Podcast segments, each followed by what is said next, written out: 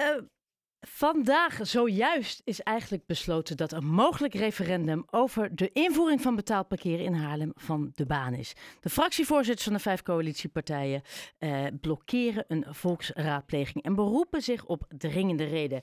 Eén iemand die de dringende reden uh, in zijn geheel niet begrijpt, is Louise van Zetten van Hart voor Haarlem. Louise, hi, goeie. Ja, hallo. middag. Ja, uh, ja, nou ja, zeg het maar. Brand los, ik ken jou.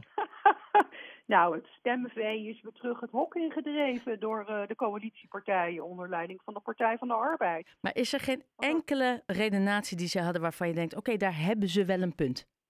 Nou kijk, de, de nota moet gewoon behandeld worden. Hè? Die, die, dat, is ook, dat staat vanavond op de uh, agenda en dat gaat over uh, de uitwerking van het betaald parkeren. Een plafond aan het aantal vergunningen en het moeilijker maken voor het autobezit van een tweede auto. Dus dat staat op de agenda. Ja. In de stad is er, uh, ja, was er ontzettend veel onvrede en angst over uh, bezorgdheid over deze plannen. En uh, daar was een oproep om een referendum over dit punt te, te, te, houden. En dat ging dan over niet of je een tweede auto, nou niet over het geld, ging om per buurt een draagvlakonderzoek te doen of er behoefte was aan bepaald, betaald parkeren. En in sommige buurten is daar behoefte aan, dan kan je het gewoon doorvoeren. En in andere buurten is, het, uh, is er geen behoefte aan. En heb jij dat zelf al onderzocht? Weet jij in welk, hoeveel buurten... Want ik kan me voorstellen, als ze bij mij gaan vragen... wil je betalen voor je auto, dan ben ik heel snel klaar met mijn antwoord. Hoeveel uh, wijken zouden dan hebben gezegd... ja hoor, wij willen? Dan eindig je nou, toch op dat, kijk, dat hele beleid er, van, er niet doorheen komt? Ja, nou, het is, het, het, nu wordt het ingevoerd voor elf wijken. En uh, per wijk, wij hebben ook gezegd, het moet per buurt. Want je weet zelf wel, ik weet niet in welke, welk gebied jij woont. Als het gewoon uh, heel erg druk met auto's wordt van mensen die daar niet wonen. Dan is al gauw uh, natuurlijk de roep om een regulering in te voeren. Dat, dat snapt iedereen. Maar in sommige wijken is die behoefte er helemaal niet. En die moeten dus ook gaan betalen en in feite hun auto inleveren. Ja. Maar deze discussie is gevoerd. Jullie wilden heel graag een referendum. Uh, maar nu hebben, ze, hebben die vijf partijen gezegd van, nou, dit gaan we niet doen. Nou, er is een uh, referendumverzoek gedaan. Ja, en die was goedgekeurd? Maar door meer dan 400, er zijn wel 800 petities getekend. En uiteindelijk moeten er daarna, hè, begint het pas te werken, dan moet je voor 4000 handtekeningen zorgen. Maar dat referendumverzoek wordt voorgelegd aan een onafhankelijke referendumcommissie. En daar hebben wij allemaal regels voor in Haarlem. En die gaven een positief advies? Die gaven een positief Maar de coalitiepartij zegt, we doen dit niet. Nou, interessant is, uh, wij, wisten eerlijk gezegd uh, niet dat, ze, dat we het niet zouden doen. Ik ga ervan uit, uh, het zijn allemaal democratische partijen. Je bent blij als mensen een mening hebben over de politiek. Hè, daarvoor zitten we in de gemeenteraad. En, om, oh, en ik had er vol vertrouwen in dat, dat we dit gewoon gingen doen en de burger niet te spreken. Maar nu kregen we ineens na twaalf, uh, toevallig zag ik een, uh, een amendement voorbij komen. Ik was me aan de, de, de agenda doorwerken. Dat er ineens een, een doorvrocht juridisch stuk lag van de coalitiepartijen. Zonder waarschuwing. En ja, met, met, met uiteindelijk de conclusie dat we geen referendum hier gaan houden in Haarlem.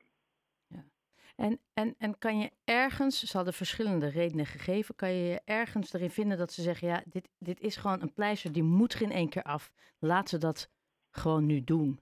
Ja, dat zegt een dictator ook, hè. Dan hoef je, dan hoef je, jij hebt jij, jouw mening. En dan hoef je de, de, de, de, de wensen of de bezorgdheid van de mensen die hier in de stad mee te maken krijgen, hoef je niet te horen.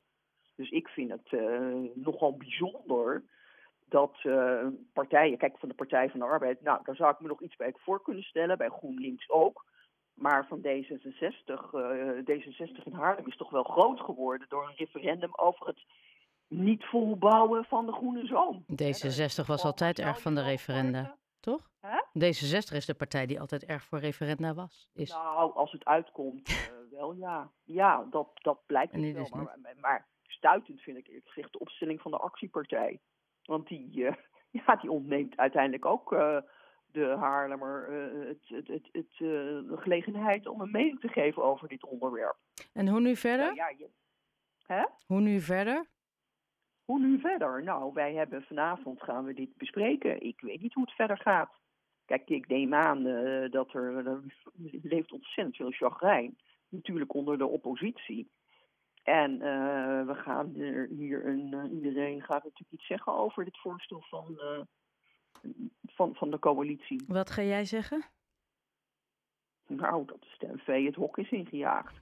Nou ja, inderdaad dat, dat Haarlemmer toch wel een dreun ontvangt van deze coalitie onder leiding van de Partij van de Arbeid. En ook dat wij de onafhankelijke referendumcommissie, waar allerlei partijen voor zijn geweest, die worden gewoon weggezet als een stel kleuters die gewoon een verkeerd advies hebben gegeven. Dus ik vind het een vrij ernstige zaak, want het is in Haarlem toch wel de gewoonte, als er een adviescommissie is, om die serieus te nemen en meestal het advies te volgen. En uiteindelijk, dat referendum, dan ben je toch uiteindelijk toch bang voor de Haarlemmer. Want voor hetzelfde geld was er een positief uh, resultaat uitgekomen voor, uh, voor de coalitieplannen. En wil iedereen best wel betaald parkeren. Nou, hoe groot, he, hoe groot had jij die kans geacht? Hoe groot had jij die kans geacht? Nou, uh, hoor eens, uh, de eerste aanzet is 4000 mensen die dit moeten ondersteunen. En daarna krijg je het referendum pas. Nou, er was een redelijke kans dat het zou slagen, maar ook een redelijke kans dat het, niet zou, uh, dat het het niet zou halen. Maar daar gaat het natuurlijk van. Het is gewoon, wij willen nieuwe democratie. Wij willen luisteren naar de burger. En dan praat ik niet alleen over mezelf.